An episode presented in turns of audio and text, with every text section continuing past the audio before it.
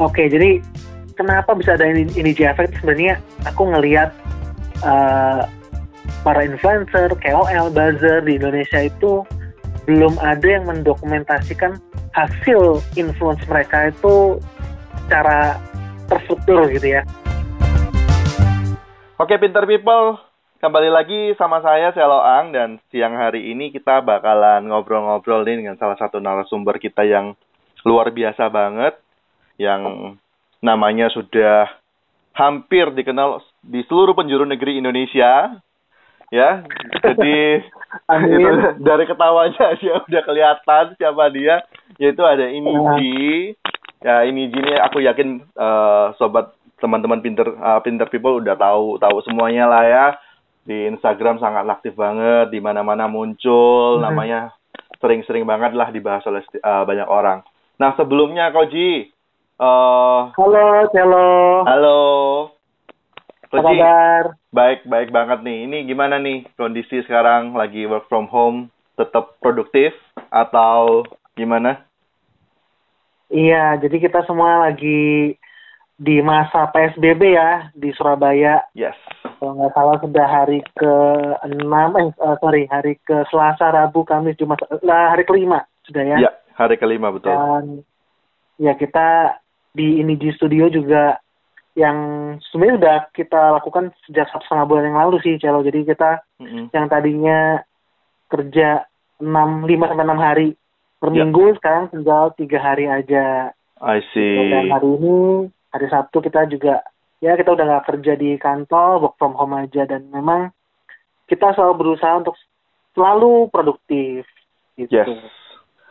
Okay. Dan saya dibilang makin produktif sih. Makin produktif ya.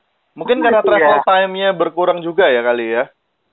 Iya, itu memang ya komitmen aku juga dari tahun lalu. Saya bukan karena COVID, memang dari tahun hmm. lalu udah berharap, aduh kayaknya udah terlalu sering nih. Kayaknya 2019 aku hampir tiap weekend selalu terbang. Hmm, hmm, hmm. dan Betul. akhirnya ngelihat kok kayaknya nggak efektif ya kalau kita itu traveling terus malah bisnis yang di Surabaya malah kita nggak fokus gitu. Hmm, I see, I see. Jadi di 2020 ya udah, ayo uh, kita stay lebih banyak di Surabaya, lebih banyak ngurusin internalnya ini di studio kita rapiin semua. Wah keren banget. Jadi mulai ini ya uh, momen COVID ini juga dipakai buat merapi-rapikan ini ya uh, bisnis di iya, kantor benar. juga ya. Benar, dan ini iya. Marikondo banget segala Mari kondo minimalism. itu goal-goal ini banget sih, goal setting banget sih ya, ya. susah. Ya, baik di bisnis, di rumah gitu kan. Almost yes, every yes. single day kita panggil tukang buat ngerapin ini. betul betul. Oke, jadi uh, Pintar People, uh, seorang Iniji sudah memulai uh, apa namanya karirnya di food blogger, kemudian food photographer. Mm -hmm. Ini sudah dari tahun kurang lebih udah berapa tahun ya Koji ya? Dari 2000. Kalau aku ngeblok ya, kalau ngeblok hmm. pertama kali yang benar-benar the very first itu aduh ini aku jadi sungkan nih, jadi ngomongnya kasihan. Jadi kalau udah keluar tahun ini udah agak-agak gimana gitu. Tapi buat inter people aku buka lah nggak apa-apa. Biar jadi penyemangat juga ya. Siap siap. Aku start pertama kali itu tahun 2004 sebenarnya. 2004 ya. Nah 2004 itu masih zamannya aku masih kuliah, and then benar-benar serius banget ngeblok yang tadinya dari um, Multipla, dari Blogspot, kita mulai masuk ke platform yang .com itu di 2008 hmm. sebenarnya. Nah itu okay. munculnya iniji.com di tahun 2008. Karena backgroundnya Koji sendiri ini ada IT juga ya, kalau nggak salah bener ya? Bener, jadi ini juga lucu sebenarnya. Jadi kenapa aku bisa pegang blog itu karena aku orang IT, mm -mm. dan waktu tahun 2004 itu aku lagi bikin tugas akhir. I see. Nah, tugas akhirnya itu di tahun 2004 teknologi blog itu lagi hot, lagi booming banget. Hmm, benar-benar. Aku buatlah, namanya kan waktu itu ada blogspot kan. Aku Betul.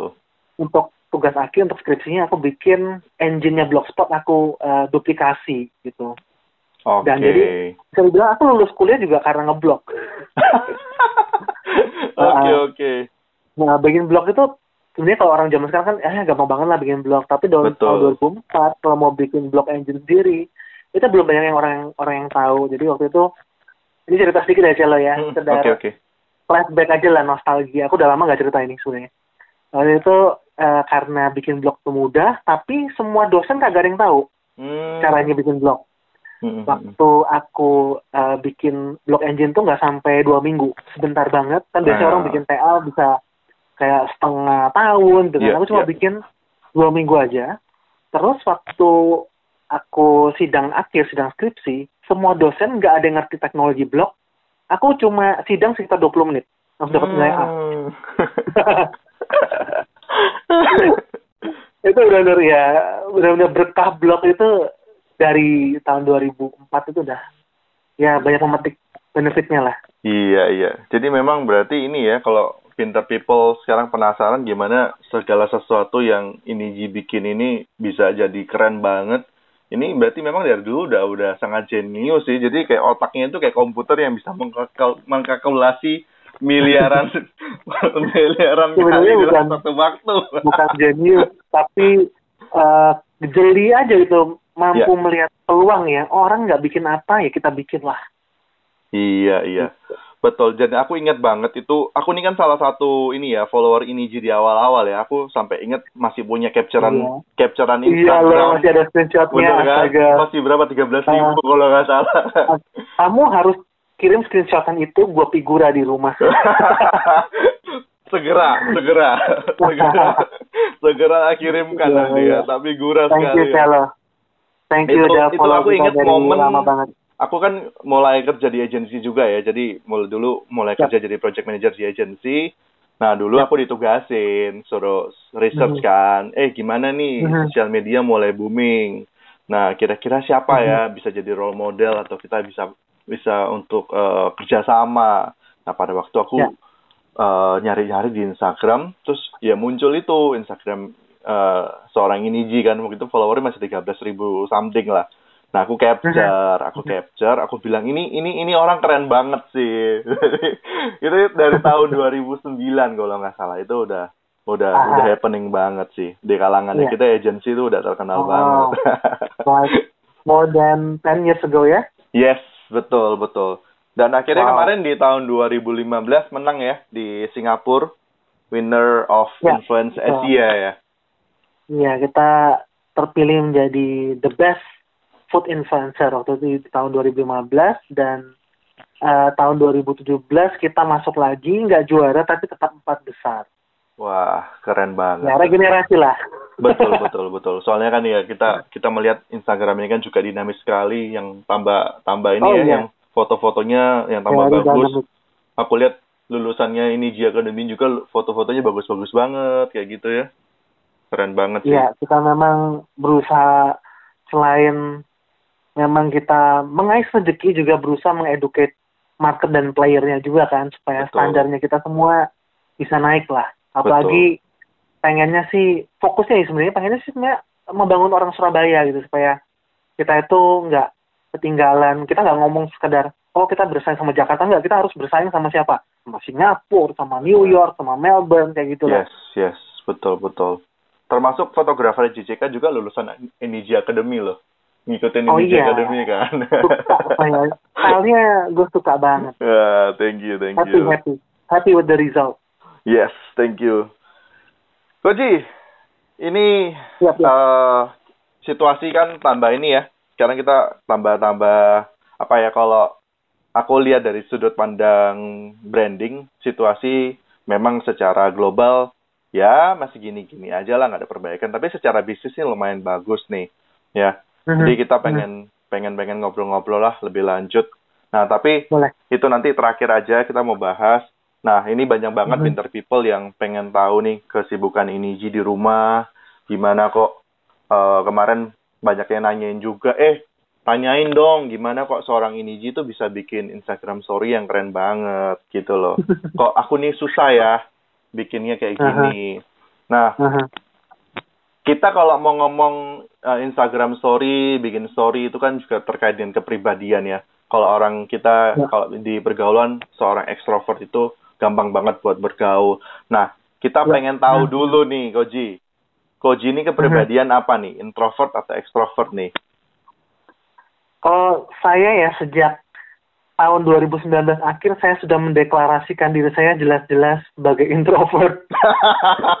Sebenarnya dari dulu saya menyembunyikan, gitu kan. Oke. Cuma eh, semua orang kok treat me like an extrovert gitu kan kayak Hmm, oke oke aku harus mendeklar nih kayaknya late 2019 aku dengan bangga mendeklar diri saya adalah seorang introvert. introvert.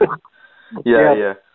Ya memang aku, aku tahunya sih memang seorang individu itu eh, introvert ya karena dari secara kalau kita eh, ketemu langsung ngobrol-ngobrol. Tapi kalau di sosial media itu kok Mhm. kesannya kok ekstrovert banget ya. Jadi eh, kayak ekspresif banget, membagikan sesuatu yang bermanfaat juga. Instagram story-nya juga bisa panjang banget dan niat banget gitu bikinnya itu gimana itu ceritanya? Kok bisa kayak gitu? Ya, sebenarnya kalau balik ke psikologi ya, wah, saya jadi Iya. kayak Sigmund Freud jadinya. Hmm. Em, introvert bukan berarti tidak ekspresif. Jadi yang harus itu mindset nomor satu yang mungkin masyarakat ya perlu paham. Oke. introvert bukan berarti tidak ekspresif. Introvert bukan berarti tidak Um, ekspresif. Oke. Ya. Kemudian introvert juga sering diasosiasikan sebagai orang yang pendiam, gitu ya. Oke. Eh, pendiam itu itu lain cerita, itu pemalu mungkin ya. Hmm, pemalu, pemalu. Jadi- Oke. Jadi pemalu dan introvert itu totally different thing. gitu. Nah, introvert itu orang-orang yang apa ya, mungkin lebih pemikir, lebih punya waktu sendiri, kemudian juga em, dia lebih apa ya, kalau saya bilang punya social battery ya.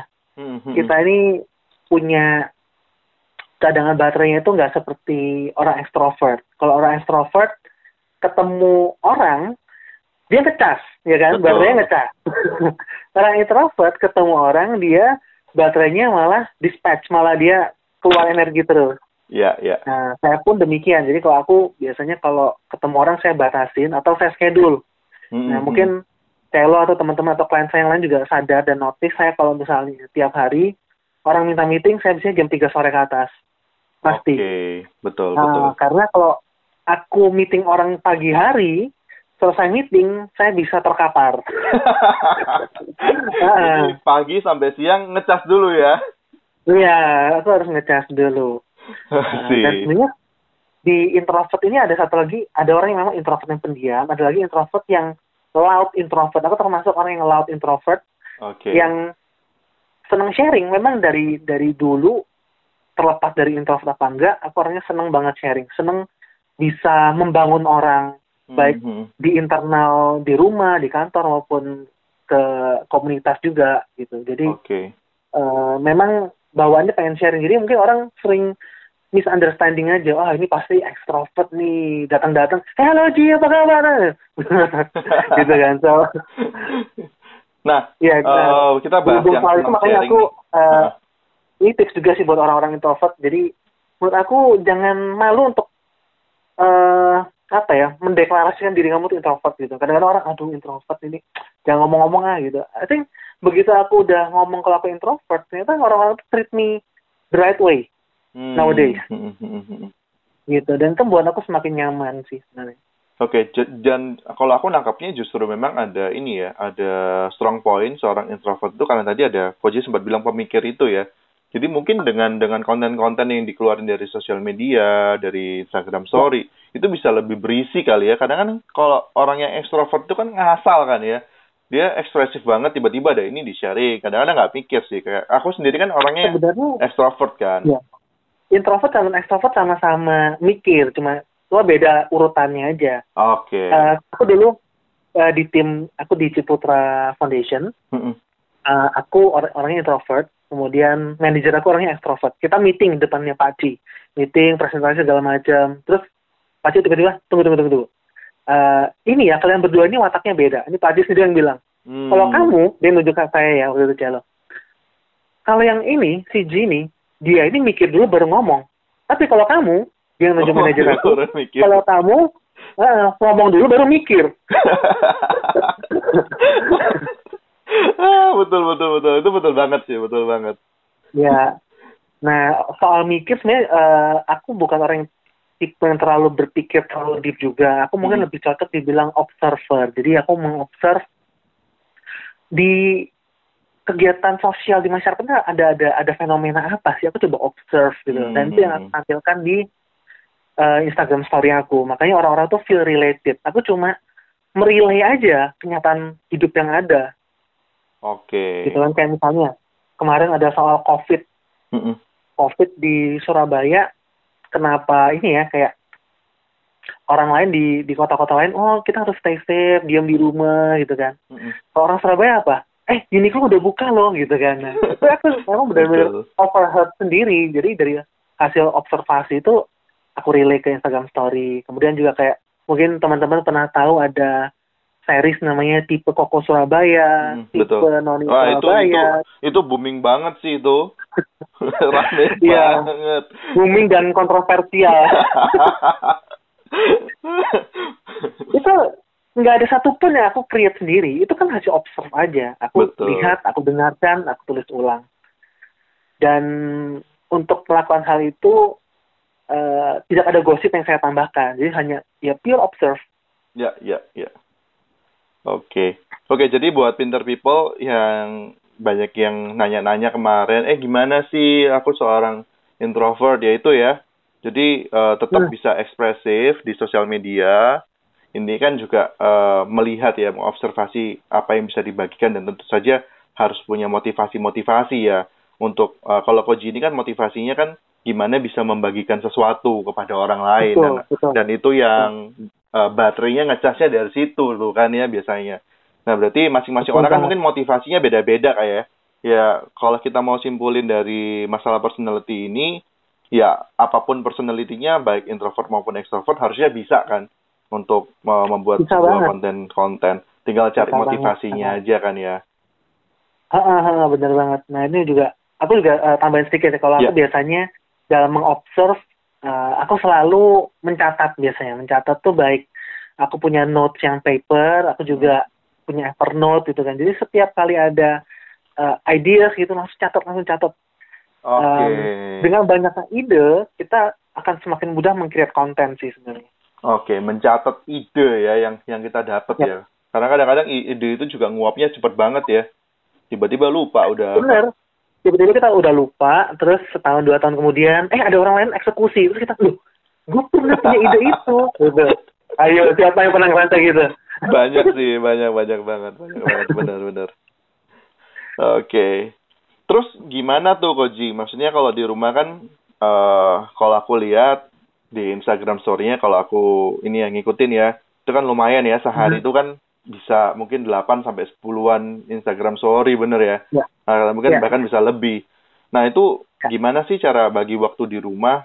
Eh pasti kan DM di Instagram juga balas banget, ba- banyak Bener, banget. bener. Ada komen yang Hmm. harus dibales, terus belum lagi ditambah Bener. di ke WA untuk kerjaan dan lain-lain. Itu Ya. sama bagi waktu di rumah gimana tuh? Apalagi kan ada istri sekarang eh, di rumah, terus ada sekarang ada Cepi juga ya. Yeay. Cepi juga yang perlu diurusin. Aduh lucu banget Cepi. itu iya, jadi itu kemarin kita ngeliat Cepi kecilku. itu Aduh, kok ini ya, CP ini engagement rate-nya tinggi banget ya. 60% lebih loh.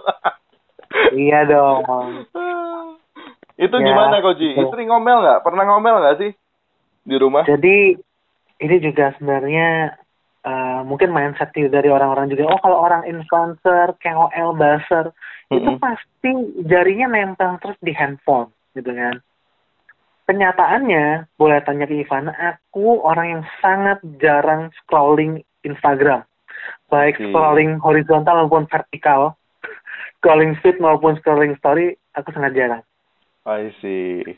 Ah, jadi eh, aku lebih lebih lebih banyak scrolling di di platform lain sih seperti di YouTube atau di em, blog itu aku aku lebih sering. Kalau sosial media sangat amat jarang.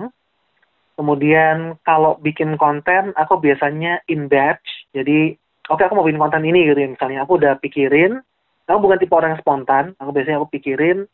Kalau Ivana lebih spontan. Dia biasanya ada ide-ide. Oh bikin bikin konten ini ini ini gitu ya. Kalau aku biasanya udah direncanain bangun tidur Hmm. gitu ya. Oh hari ini ada kira-kira bisa eksekusi apa ya? Kita udah planning. Oke. Jadi sudah ada jam-jamnya mau bikin konten-konten-konten, bikin in batch. Sebaliknya juga eh, DM, DM tuh pasti sangat-sangat menguras waktu sebenarnya ya. Betul. Satu hari bisa ratusan yang masuk.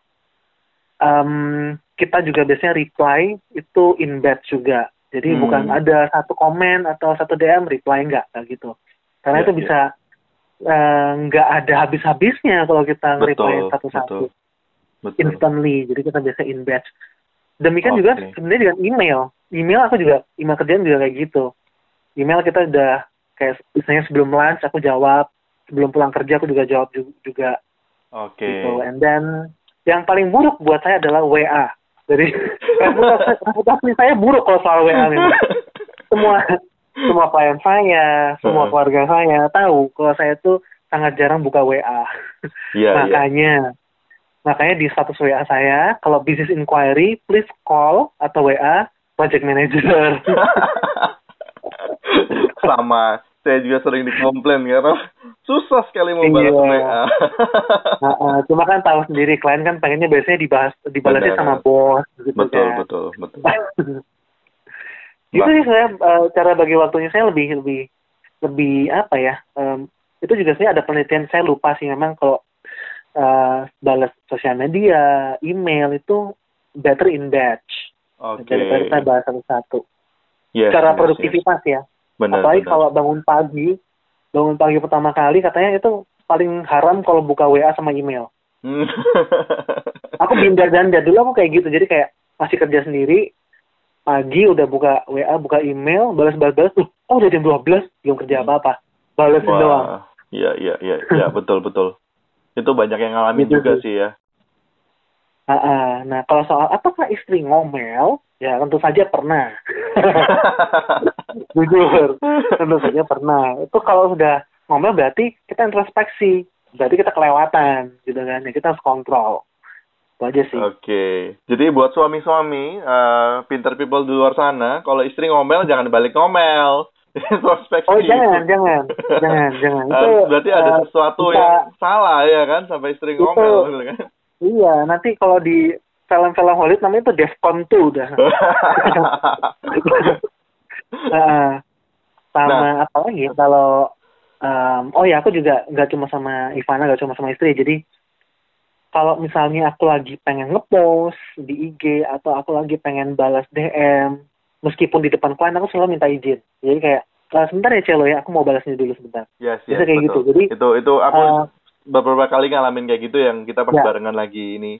Itu lebih ke Nah, etika jadi kali ya bener kita ya. harus betul dan biar orang lain tahu kita nggak menggantungin mereka gitu kan jadi oh iya memang ada something lagi ngetik-ketik something gitu kan bukan bukan lagi scrolling scrolling nggak jelas gitu aja sih Mm-mm. Oke. Jadi terjawab sudah ya pintar people. Jadi untuk seorang influencer, seorang content creator itu nggak harus lamanya seharian 8 jam depan uh, gadget itu enggak.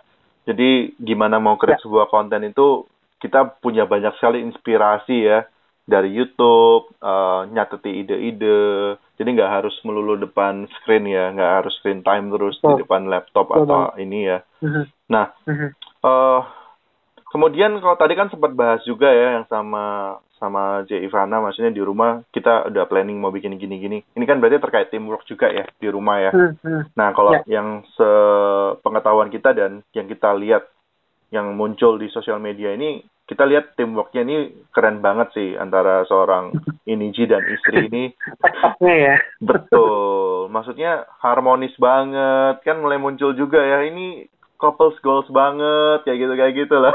Cuma ngikutin kan. iya iya iya Itu gimana Koji membangun sebuah teamwork? Karena buat eh, orang-orang yang sudah married, karena aku juga sudah married ya, dan udah eh, dua tahun married, itu juga ada ini eh, kendala, kendala dalam membangun teamwork kayak gitu dan bukan sesuatu yang cukup Hmm. mudah sih menurutku. Nah itu gimana nih kalau dari Hmm. sisinya seorang Inija dan Ivana eh, di rumah membangun teamworknya gimana?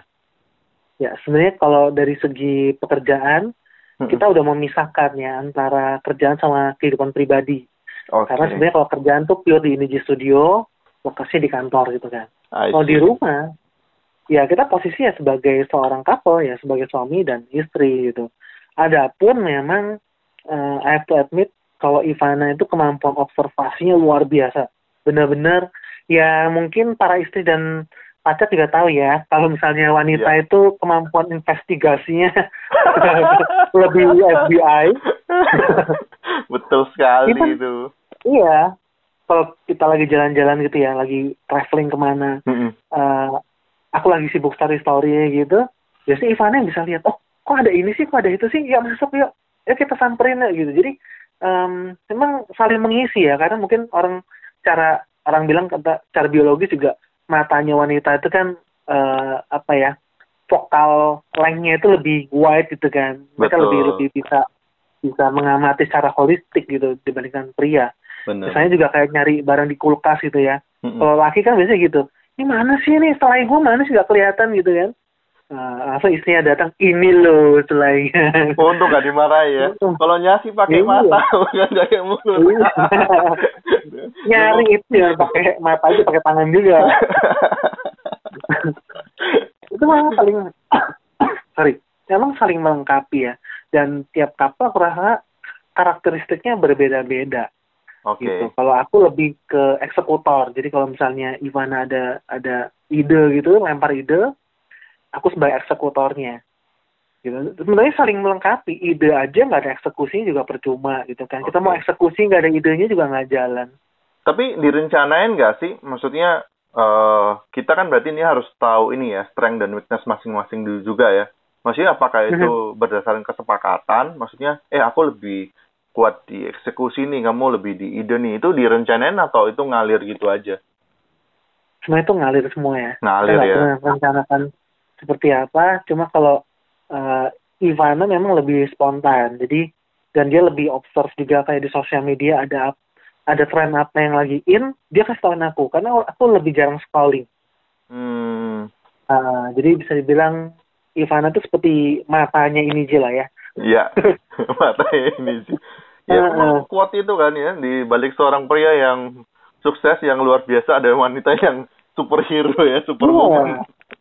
Iya, itu benar banget. Saya sangat-sangat setuju. Berarti memang eh, yang paling penting di sini adalah level of understanding itu ya. Ya, sebenarnya ya saling melengkapi dan ya eh, saling mengerti juga kan. Kadang-kadang Mm-mm. yang problem utama sebenarnya adalah membalancekan antara work sama life. Apalagi Balance. nih kalau eh, buat teman-teman yang influencer juga yang mungkin akan menikah gitu ya. Ya. apalagi uh, masih berpacaran kayak kita misalnya sebagai influencer kadang-kadang diundang misalnya untuk traveling ke katakanlah traveling ke Bali gitu ya Mm-mm. buat kita uh, cowok biasanya kalau dapat job meskipun itu traveling ya itu kita anggap sebagai job ya kan Ya. of course kita pasti Betul. pikirannya dari dari naik pesawat sampai turun pesawat sampai uh, ke hotel yang ngundang kita itu pasti, pasti kita udah mikirnya oh nanti gue mau bikin konten ini ini ini ini, ini gitu kan Mm-mm. kalau wanita mungkin lebih emosional wah ini kalau ke Bali berarti having fun gitu kan it's different Iya, betul. right? nah pas awal-awal itu sempat jadi masalah kan loh ini kan di Bali itu having fun dong gitu kalau kita cowok yang dapat job oh nggak bisa gue harus eh, ini dulu dong selesaiin semua pekerjaan dulu kuotanya gue harus selesaiin dulu gitu kan nah itu yang kadang-kadang kita harus work life balance-nya kita jaga bahkan kadang-kadang kita kalau lagi pengen liburan yang benar-benar pure liburan ya udahlah bayar sendiri aja nggak usah pakai endorse endorse gitu bayar Benar. sendiri bebas mau ngapain aja Iya. Tapi apakah mungkin cowok kayak gitu kali ya? Karena aku iya sering ngerasain kayak gitu. Misalnya eh, dari di kerjaan sendiri kan sering sering keluar kota ke kota A ke kota B. Nah itu kayak kita mau having fun tuh kayak apa ya?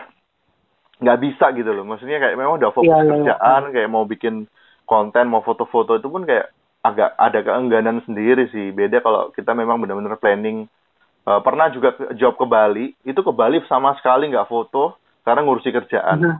Tapi kalau liburan, Exactly. Iya iya benar-benar. Walaupun kita udah di Bali itu pasti pemikirannya kayak kerja aja nih harus selesai tanggung jawab gitu kan. iya betul. Heeh. ya itu ya positif positif negatif juga. Tapi kalau misalnya kayak teman aku Jack Magnifico gitu ya, Mhm. dia pinter banget bisa bawa kerjaan itu dibikin fun gitu ya. It's Mhm. different character. Ya tiap orang Oke. beda-beda. Hmm. Oke, jadi ya menemukan ininya ya, menemukan balance-nya yang paling penting ya tadi ya. Spotnya itu yang sulit harus mengerti karakter diri kita masing-masing gitu. Yes, yes, yes. Nah, kalau dari rumah tangga sendiri nih, maksudnya uh, Mhm. kayak love language-nya Koji ini apa sih? Maksudnya apa lebih ke kata-kata atau quality time? Ya, kalau aku ya, kalau aku mungkin lebih ke quality time sama words ya. Kalau Ivana itu lebih ke gift sama words gitu. Tapi in common kita word sih sebenarnya. Oke. Jadi uh, ini penting nggak sih Koji? Maksudnya uh, ketika dalam masuk ke dalam rumah tangga, apalagi tadi kan sudah dibahas juga ya, maksudnya berusaha untuk memisahkan kerjaan uh, kerjaan hmm. dan kehidupan rumah tangga. Maksudnya love hmm. language ini seberapa penting ngambil ini sih pengaruh dalam kehidupan sehari-hari? Oh sangat penting banget. Bahkan ya. the moment you wake up, aku tuh words kan. the moment you wake up, salah ngomong satu kata aja ya kelar. Buyar satu hari, oke. Okay. Kelar. Satu hari sampai malam tuh kelar. Oke. Okay. Jadi uh, kalau Koji tipe quality time ini enak banget ya, irit istrinya ya, istrinya perekonomian rumah tangga nggak nggak ini ya. Nah, kalau ya, tapi sekarang sekarang semua serba online, Bro. Serba online. kalau istri gift ini agak aduh, ini memang benar-benar balance banget sih. Yang satu quality time, yang satu gift ini. iya, tahu sendiri lah ya. Uh, ya small gift itu harus kita berikan lah. Nah, small bentuknya juga macam-macam. Betul. Ya, yes, jadi pintar people uh, dalam kehidupan rumah tangga butuh banyak untuk balancing ya. Kita mengerti, understanding gimana pasangan kita maunya ini, maunya itu. Love language ini juga uh, peranan peranannya cukup penting banget ya, biar kita bisa saling memahami di rumah ya berarti ya. Iya, penting banget benar. Nah, apakah dari teamwork ini setelah memahami situasi, kondisi, kemudian memahami pasangan, itu bisa jadi sumber inspirasi nggak sih? Maksudnya kalau kita lihat kan kreatif vibes Koji ini di kantor enak banget, terus di rumah nih juga enak banget selama di rumah aja. Nah itu gimana cara cara create kreatif vibes-nya atau environment yang selama di rumah aja bisa jadi sumber inspirasi itu gimana hmm. caranya sih? Hmm. Kalau kreatif vibes sebenarnya um, aku selalu membiasakan diri untuk baca gitu kan. Baca. Uh, karena pada intinya sama kayak tadi aku bahas, uh, kreativitas itu uh, mungkin orang ada yang terlahir bakat kreatif gitu ya. Hmm. Ada orang yang terlahir bakat kreatifnya harus diasah. Hmm. Itu saya termasuk yang kedua. Jadi okay. saya itu lahir itu bukan bukan orang kreatif, saya orang hafalan. Oh, Makanya okay. kalau kalau mata pelajaran kayak sejarah, biologi, wah saya pasti nilai ulangan selalu 90, 100, hafalan banget saya. Iya, iya. Berarti kayak ini. Tapi kalau apa ya? Lionel Messi, Cristiano Ronaldo kan? Lionel Messi terlahir dengan ya. bakat, Cristiano Ronaldo Betul. terlahir dengan uh, kerja keras kan ya dan latihan. Ya. Berarti ini Koji seorang Betul. Cristiano Ronaldo. Oke. Iya, kita semua dari aku benar-benar melatih diri lah. Jadi uh, aku percaya kalau kalau kita analogikan sebagai sebuah kulkas gitu ya. Mm-hmm. Nah, kalau kita mau masak di dalam kulkasnya cuma ada nasi, telur, minyak goreng. Kira-kira okay. kita mau masak apa kita lo? Nasi, telur, minyak goreng. Minyak goreng. Nasi, telur, minyak goreng. Telur dadar. Telur dadar atau kalau mau lebih kreatif lagi nasi goreng maksimal Betul. udah. Benar. Tapi kalau misalnya di kulkas kita ada sosis, ada uh, garlic, ada pasta, ada sayur-sayuran, semakin banyak possibility kita buat memasak berbagai macam menu. Betul. Gitu kan. Demikian juga dengan kreativitas. Kalau isi kepala kita terbatas ya kita nggak bisa mengcreate sesuatu yang kreatif ya gitu-gitu aja. Makanya Wah, aku sih berusaha untuk keren banget, benar. Ya, aku berusaha untuk sebanyak mungkin lah walaupun ya walaupun di luar bidang aku. Kayak misalnya orang tahu aku sebagai seorang foodies gitu ya. Yeah. Tapi aku pengen tahu juga dong kalau misalnya um, investasi itu seperti apa sih? Mm-hmm. Gitu. Komunikasi itu seperti apa sih? Bisnis yeah. itu seperti apa? Aku harus harus tahu. Dari situ aku kombinasikan karena intinya kreatif itu kan uh, mengkombinasikan sesuatu yang lama ya hal-hal yang lama mm-hmm. kita gabungkan menjadi sesuatu yang baru. There is no uh, there is nothing new anymore Benar. di atas muka bumi ini sebenarnya Benar. semuanya adalah hasil kombinasi. Betul. Jadi terjawab sudah ya pintar people kenapa banyak yang nanya-nanya ya. Kemarin pertanyaan titipan banyak banget ke aku ya. Coba tanyain dong, ini Ji kok bisa keren banget sekarang banyak bisa ngerti ini tuh ini tuh. Jadi base-nya adalah mengenai dari creativity, gimana menggabungkan kita harus punya banyak perbendaharaan di dalam otak kita, membuat sesuatu yang lama ini dikombinasikan menjadi sesuatu yang baru. Jadi uh, kalau menurut aku ini masih uh, make sense banget dalam kehidupan sehari-hari dalam seorang dirinya ini Ji ini berarti base-nya dari modelnya ini dari creativity ini kan ya. Mhm, mhm, mhm. Yes, Coba aku deh, setuju misalnya- banget sih. Eh, kayak Eh, misalnya nih, eh, gimana? dalgona, coba deh. Dalgona. Dalgona itu apa sih isinya? Nescafe, eh, gula, air. Betul. Right? Nescafe, gula, air kan barang lama yang udah kayak puluhan tahun kita kenal. But Betul. right now. betul, betul. Ya ini aku setuju banget karena di awal-awal Pinterest ini kita nulis quote kan dan aku nulis quote itu uh, creativity is a, a new currency of Indonesia ya. Mungkin bukan Indonesia aja sih. Sekarang creativity uh, sebuah currency yang baru yang bisa kita apalagi di masa pandemi kayak gini ya orang masih mau pakai jasa kita karena kita kreatif bener gak sih? benar, benar. Uh, Nice. Oke. Oke, Pinter People. Jadi uh, saya harap terjawab sudah. Habis ini jangan ngasih pertanyaan titipan lagi karena kita kita podcastnya ini sudah siaran. Oke. Jadi creativity. Jadi Pinter People sekarang uh, banyak sekali buku-buku juga di ini ya, buku-buku yang bagus-bagus banget. Ya, apa pun hari ini yang bisa kita pelajari, apalagi masa pandemi kayak gini. Tadi Koji sempat ngomong bahwa investasi lebih ke investasi ini ya, uh, perbendaharaan-perbendaharaan, pengetahuan dalam kehidupan kita. Ya, Itu ada benar. investasi yang penting banget ya. Koji, boleh nggak sih ngasih apa namanya? uh, ada usulan nggak sih uh, top 3 books atau movie yang selama ini yang bisa menginspirasi Koji yang bisa pinter people juga biar tahu kita mungkin bisa dapat inspirasi dari sana ada nggak sih Eh, jujur aja aku udah lama nggak baca buku itu cover to cover ya maksudnya dari Mm-mm. awal sampai akhir tuntas gitu ya biasanya aku sekarang lately kalau baca buku dia daftar isi mana yang aku perlukan aku balik ke halaman itu. Oke. Oh, aku udah lama banget. Tapi kalau dulu aku zaman masih demen baca ada penulis yang aku suka banget. Semua orang kreatif mungkin pernah dengar.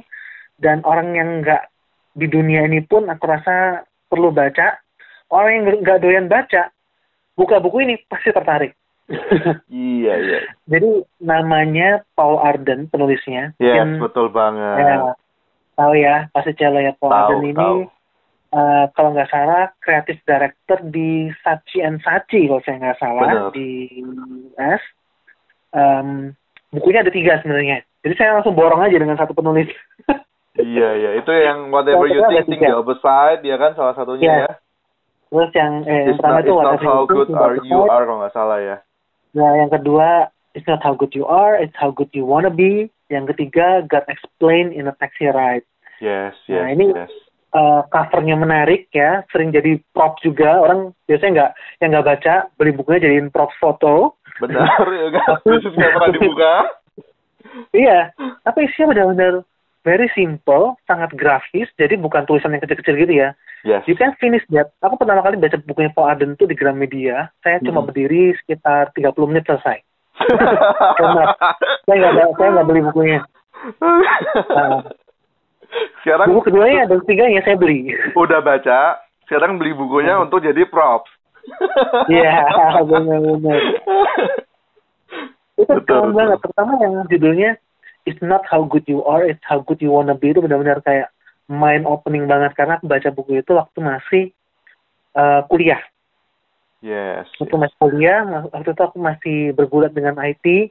Pas aku baca buku itu, wih gila ini mind blowing banget. Jadi benar-benar dari judulnya itu udah benar-benar sangat membius gitu kan. Benar, Jangan berpuas diri kalau katanya eh, Steve Jobs ya. betul stay hungry, stay foolish itu ya. betul Jadi jangan pernah berpuas diri, kamu harus jadi pribadi yang lebih baik setiap hari. yes yes benar benar Terus juga itu um, whatever you think, think, think, think the opposite, itu juga bagus buat orang kreatif.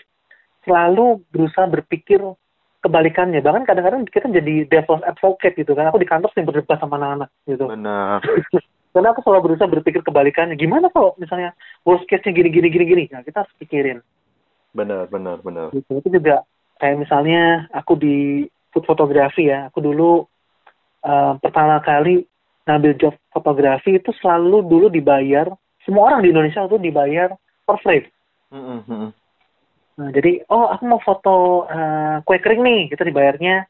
Kalau foto dua frame ya dibayarnya dua frame gitu kan. Ya betul. Terus aku pernah berkecimpung di dunia wedding itu sekitar dua tiga tahun lah gitu. Mm -hmm di dunia wedding semua bayarnya pasti paket dong nggak mungkin kan. Oh saya mau foto yang di altarnya aja atau mau akadnya aja nggak ada kan kayak gitu kan. Iya betul. Nggak ada kan. Terus aku mikir loh kenapa kita nggak balik aja? Kenapa di di food fotografi itu harus satuan? Kenapa nggak paket? Ayo. Kalau wedding bisa kenapa food nggak bisa? Kita proper waktu itu pertama kali ayo kita bikin food fotografi paket. 8 jam dibayarnya. Mau foto satu mau foto dua mau foto 50 bayarnya paket dan sekarang semua kayak gitu. Benar. Dan padahal itu lumayan risky ya sebenarnya secara bisnis ya padahal dulu ya. Maksudnya yeah, ketika yeah. semua orang uh, flow-nya ke bawah, kita malah doing the opposite-nya ke atas ya kan? Iya, iya. Nah, Dan ini sekarang semua kayak gitu. Diferensiasi. Yes, yes, betul, yep. betul banget. Kalau movie, Koji, movie ada nggak sih? Movie ya, movie ini uh, sebenarnya nggak nggak ada nggak ada moral of the story-nya sih buat hmm. aku cuma aku selalu suka film-filmnya uh, genre seperti Interstellar. Wah, Christopher Nolan. ya, ya Interstellar terus uh, ya Christopher Nolan lah, ya Batman Begins. Iya, yeah, iya. Yeah. Uh, yang mikir-mikir gitu sih aku suka banget. Oke. Okay. Uh, lately ya kalau serian ya sebenarnya Money Heist karena sama mikir juga. Betul betul. Lagi Money Heist kan ini ya banget ya maksudnya Spanyol filmnya lagi naik daun sih banyak film-film Spanyol yang ya, yang sekarang tembus ini di secara Netflix ini keren banget sih. Ya, secara secara sinematografi, secara plotnya bagus. Terus juga sama kita mendengar Spanish language itu kayak eksotik gitu ya. Betul. Betul. Por favor, tranquilo, tranquilo. aku agak miss di situ karena aku udah nonton uh, Money Heist itu selesai kan. Terus uh. aku Netflix itu aku setting karena aku malas males baca subtitle. Jadi aku setting bahasanya tuh ke Inggris. Wah itu aku nyesel oh. banget, nyesel banget. Bagus banget. Aku nyesel banget karena teman-teman semuanya nontonnya uh, original version bahasanya bahasa Spanyol Aku chattingnya kayak Inggris, karena aku malas baca ini sih, apa, subtitle ya. Aduh, itu nyusul Jadi makanya ada job kan, kayak, oh iya kita work from home apa, uh, stay at home ini ada skill baru apa, itu belajar bahasa Spanyol. betul, betul, betul. ah, keren banget sih. Berarti film-film terbaru ya lumayan ngikutin juga ya, yang hari-hari ini yang lagi tayang-tayang ya. Ya, ya kita uh, berusaha untuk relevan ya, karena gimana pun ya sebagai konten kreator ya kita harus selalu update tuh nggak bisa ditawar lagi. Oke, walaupun selalu usia udah mm-hmm. iya walaupun usia udah tidak milenial itu kita harus bisa relevan. Masih milenial lah, milenial akhir. milenial kan geser sekarang. Ini milenial nih geser. geser. Bursa info terakhir tuh geser. Umurnya mulai uh, ini range-nya lebih melebar. Bisa itu kan itu kan gak ada undang-undangnya kita ngatur sendiri gak apa-apa lah. Betul. Wah keren banget. Jadi pintar people uh, penting banget untuk tadi uh, dari versi Iniji udah ngasih beberapa uh, reference book yang Iniji bisa jadi inspirasi. Dan kalau yang aku nangkep adalah ketika membaca buku ini nggak cuma dibaca aja tapi juga benar-benar harus di ini ya direnungkan dan dilakukan yang paling terpenting ya. Jadi dihidupi ya, banget ya, benar-benar dari tadi cuma contoh tiga buku dari Paul Arden itu. Dan kalau aku lihat karena aku juga udah baca bukunya aku lihat ini banyak banget yang memang ini ini mempraktekkan gitu loh. Dan memang berhasil create something new juga dari situ dan hopefully ini bisa bikin sebuah buku kali ya harapannya sih mungkin bisa bikin satu itu, buku juga itu request dari followers sejak berapa puluh tahun yang lalu eh kapan dong ini sih bikin buku ini sih bikin buku ya nah ini terkonfirmasi dikonfirmasi lagi nih pinter people nih semoga ada Nah, buku kita- segera dari Iniji. Kita kan bekerja dalam senyap sih ya. betul, tiba-tiba tayang. betul, betul banget. Siapa tahu bukunya bukan kepar, bukan seputar food, bukan seputar fotografi ayo. Nah, Yes, benar, benar, benar banget. Surprise. Benar banget. Soalnya ini sih sangat menginspirasi karena apa ya? Kita lihat kayak Iniji yang bisnis model Iniji sendiri ini pun kayak kita lihat udah one step two step ahead sih dibanding maksudnya dengan uh, industri sejenis ya. Sebelum COVID itu udah bikin webinar dan pada waktu COVID ini pun aku lihat memang benar-benar kayak secara bisnis ya mungkin ada sedikit lah. Tapi mostly aku lihat nggak nggak terlalu berpengaruh pada bisnisnya ini ya. Karena webinar pun tetap running well. Aku lihat terakhir juga pesertanya tambah banyak dari berbagai negara ikut. Wah itu keren banget sih. Ya, ya. Ya, kita harus selalu ready ya. Jadi eh balik lagi, knowledge is power and it's a very good investment. Kalau kita punya banyak skill tuh seperti Swiss Army knife gitu ya. ya. Pisau Swiss Army, betul ada banyak tool di situ. Kalau kita lengkapi aja dulu, siapa tahu nanti butuh kan kayak keadaan ekonomi kayak sekarang kita udah butuh survival skill, semua skill harus kita keluarkan. benar benar jadi ini preparation penting banget di momen-momen kayak gini investasi ya penting banget ya ya, exactly. Yes. Terus aku lihat kan juga ini berarti ada banyak hal yang uh, bisnis model yang Iniji lakukan ini kan juga bukan melulu endingnya mengenai uang ya kalau aku lihat ya. Banyak Mhm. juga kayak Ya. aku uh, di webinar aku ngikutin itu dibagiin semuanya uh, sampai dasar-dasarnya isi-isinya dibagiin semua nggak ada rahasia-rahasiaan di situ. Mhm. Terus aku juga ngalami di awal-awal sebelum dulu webinar itu kan fotograferku juga mau belajar moto juga ikut di uh. Iniji Academy. Wah ini menurutku uh, yang luar biasa banget sih dari seorang Iniji bisa bisa punya spirit kayak gini di era kayak gini kan nggak nggak mudah juga. Gitu. Mhm. Uh, kalau kita mau nanya nih Koji, five things money can buy versinya Iniji ini apa aja sih? Five things that money cannot buy ya. Cannot buy. Nah, um, pertama kalau buat saya uh, love ya, relationship Yes. uh, itu terhadap pasangan hidup kita, terhadap keluarga, terhadap uh, Cappy misalnya gitu kan. Keren. Iya betul. Yeah, yeah. He's part of the family. Aku nggak Yeah. panggil it lagi, he udah. Iya, iya. ya itu itu nggak nggak nggak bisa diukur dan uang ya. Betul. karena ya gimana lagi eh, orang itu di dunia ini ada miliaran tapi yang Ivana Magdalena cuma satu Kepi cuma satu Celo cuma satu gitu kan Betul. Wah, keren Ya, banget. itu loh.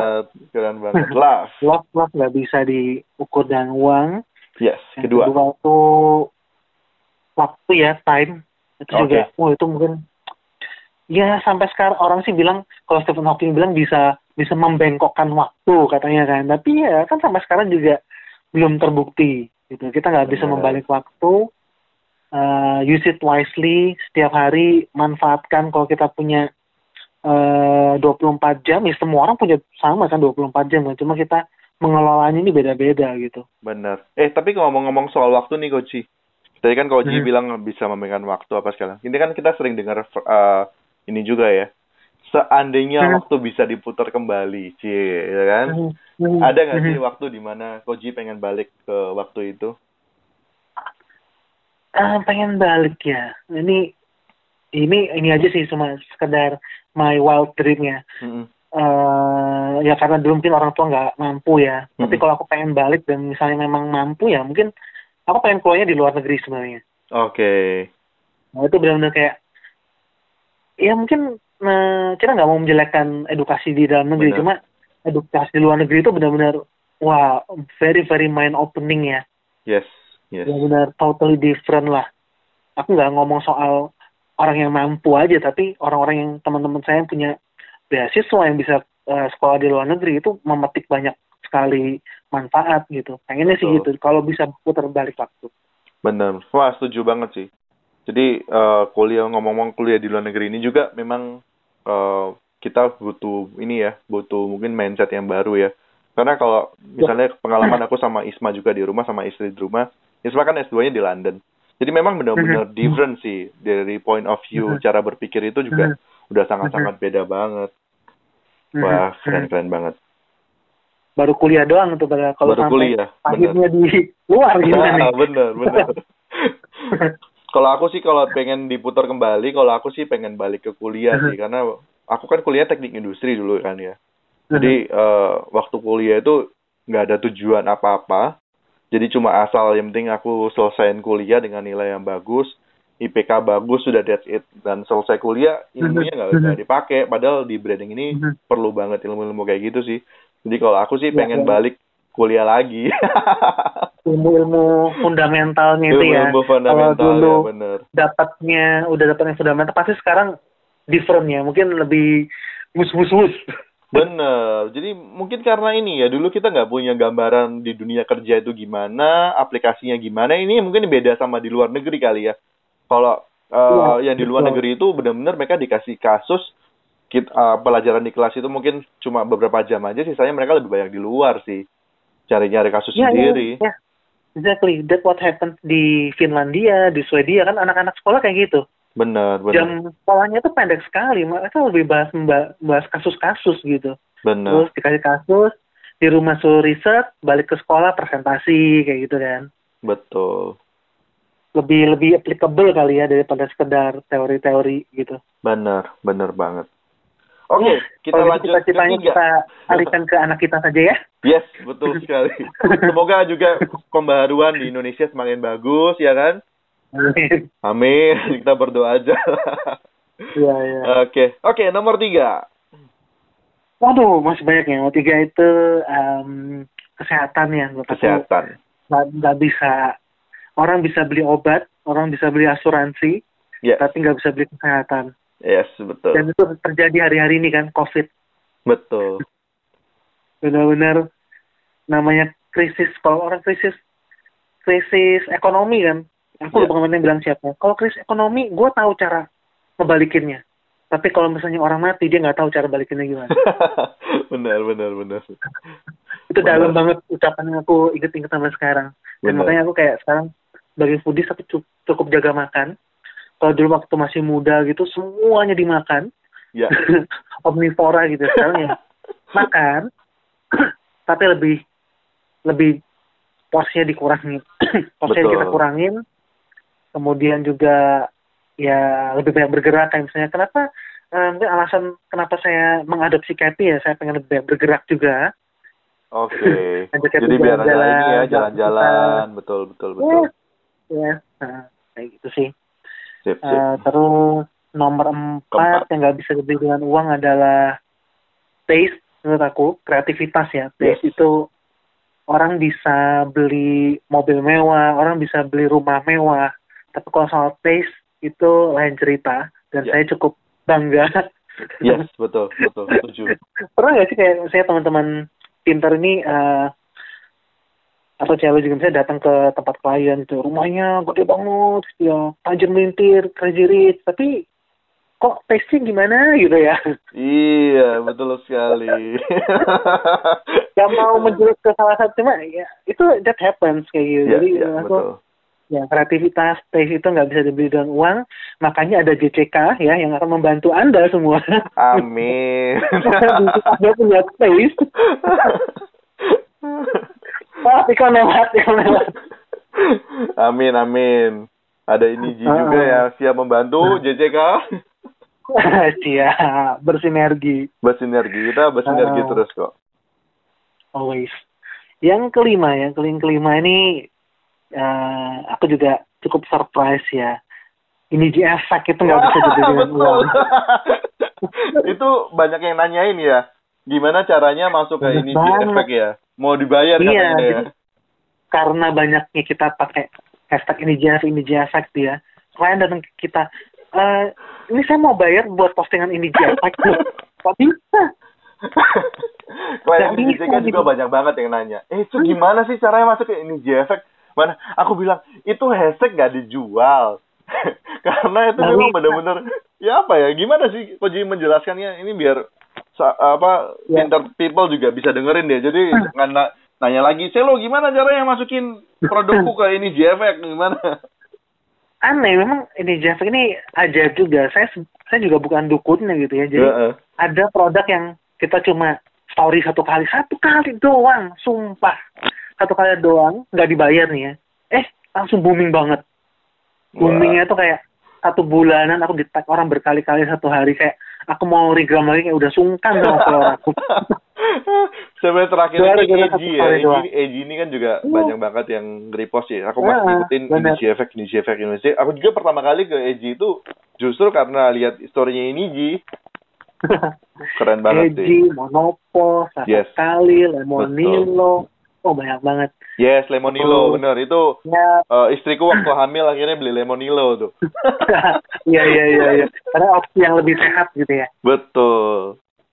Itu Heeh. gimana Dan awal juga- mulanya sih Koji? Kok bisa bikin ini G Effect itu? Oke, jadi kenapa bisa ada ini, ini itu sebenarnya aku ngelihat eh, para influencer, KOL, buzzer di Indonesia itu belum ada yang mendokumentasikan hasil influence mereka itu secara terstruktur gitu ya. Kalau Hmm. misalnya, ini aku juga hasil observasi. Kalau kita sering lihat online shop ya misalnya. Kalau Ya. online shop kan sering tuh ya ada testimoni, sering capture-capture WA Betul. gitu. Sering ya kita lihat kayak gitu kan. Bener. "Ah, ini produknya aku udah coba loh sis bagus banget warnanya kainnya licin gitu gitu. ini aku terinspirasi sebenarnya wih Oh. gila nih dan aku juga eh, pernah baca data ya kalau kita menjual dengan testimoni itu akan laku 60% better lebih Yes, bagus Benar, benar. Nah, aku coba deh kita cari nama apa ya efek-efek efek gitu ya. Ya karena saya orang lama ya saya dulu pernah lihat iklan namanya X Effect, X eh, itu eh, deodoran lah. Is it right ya? X ya. Heeh, heeh. Nah, X Effect ya coba deh pakai ini G Effect. Sebenarnya ini G Effect tuh yang pertama kali mendengungkan namanya Pak Sohadi. Pak Sohadi itu eh, branding consultantnya Bon Cafe. We, we work closely uh, that day. Wah ini kemarin eh, waktu itu kita lagi ngebahas Cup and Crumbs waktu itu Hmm. di Manyar Kertoharjo yang di branding oleh eh, Pak Sohadi juga. Dia Ya. bilang, wah ini setelah diupload sama ini G nih Cup and Crumbs langsung rame banget ini G Effect katanya. Wah ini boleh nih dipakai nih. boleh, benar. Heeh, itu udah agak lama sebenarnya kayak 2015. Padahal nggak pakai waktu itu. Ya. Kemunculannya ini jasa waktu IG udah mulai ada story. Dan kita mulai pakai tahun 2018 kalau saya nggak salah. Berarti ada eh, jeda tiga tahun ya. Betul. Sebuah ide yang bagusnya luar biasa kayak gini, itu masih diinkubasi lagi tiga tahun baru dikeluarin Ya. di 2018 lah. Wah, keren Betul, banget dan- sih. Kita ngelihat momen juga. Karena waktu waktu Instagram cuma ada IG feed, kita nggak bisa nyampah di feed kan. Kayak ini ini Effect, ini Effect kan nggak bisa gitu. Hmm. Nah begitu ada IG story, kita punya wadah buat nyampah. Oke. Kita sebelum sebelum ada IG story kita nyampah di mana sih lo? Tahu nggak? Nyampah di ini kan, di pet dulu kan. Bener.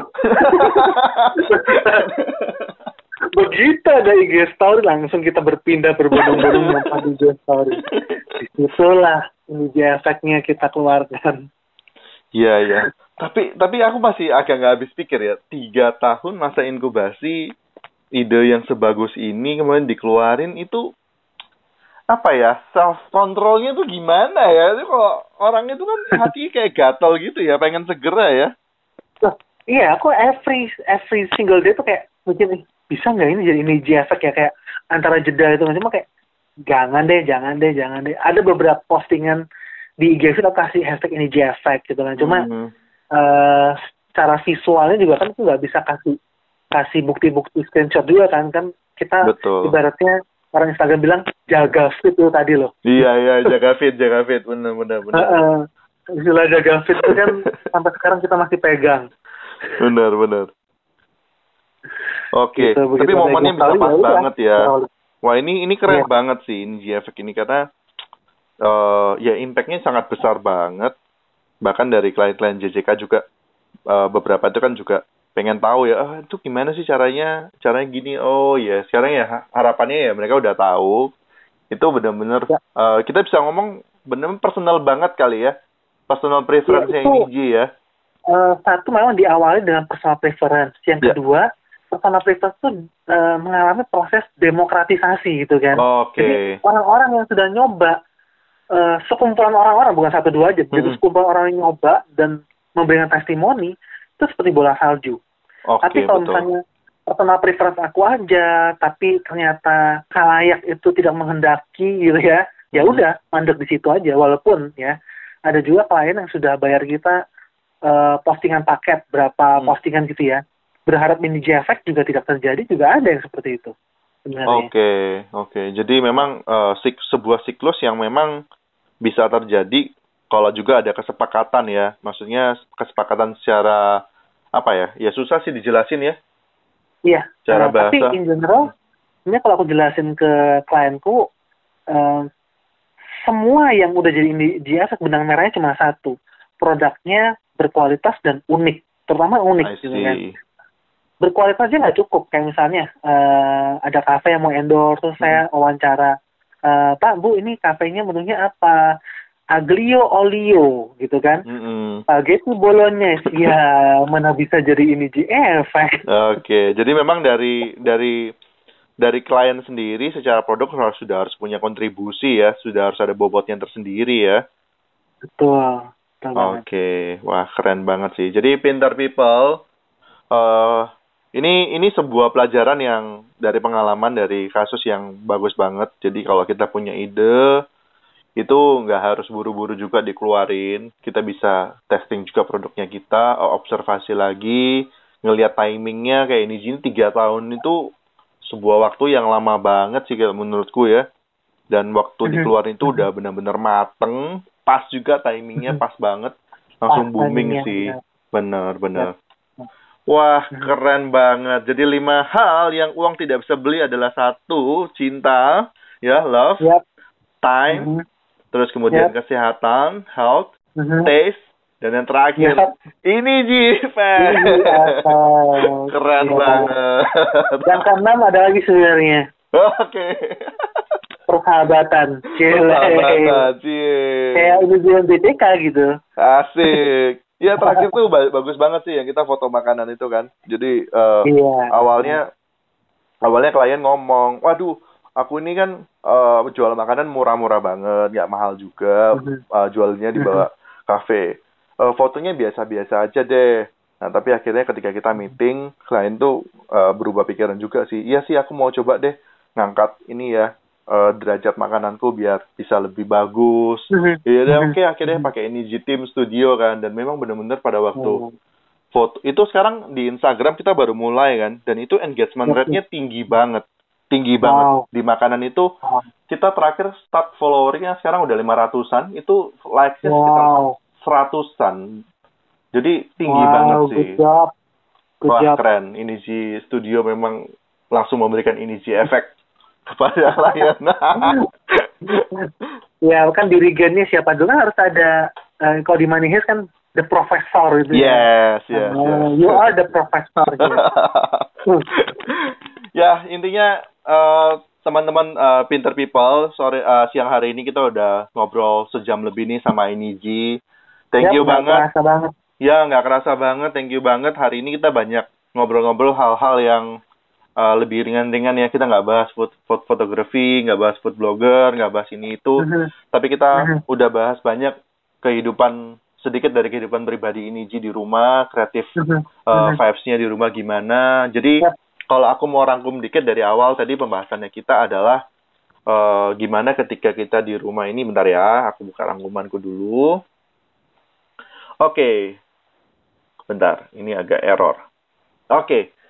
jadi kita uh, untuk bisa menjadi seorang yang produktif di rumah ya kepribadian itu juga bukan satu hal yang jadi hambatan ya sekarang banyak teman-teman ya, ngomong membatasi diri. Jangan membatasi diri, betul.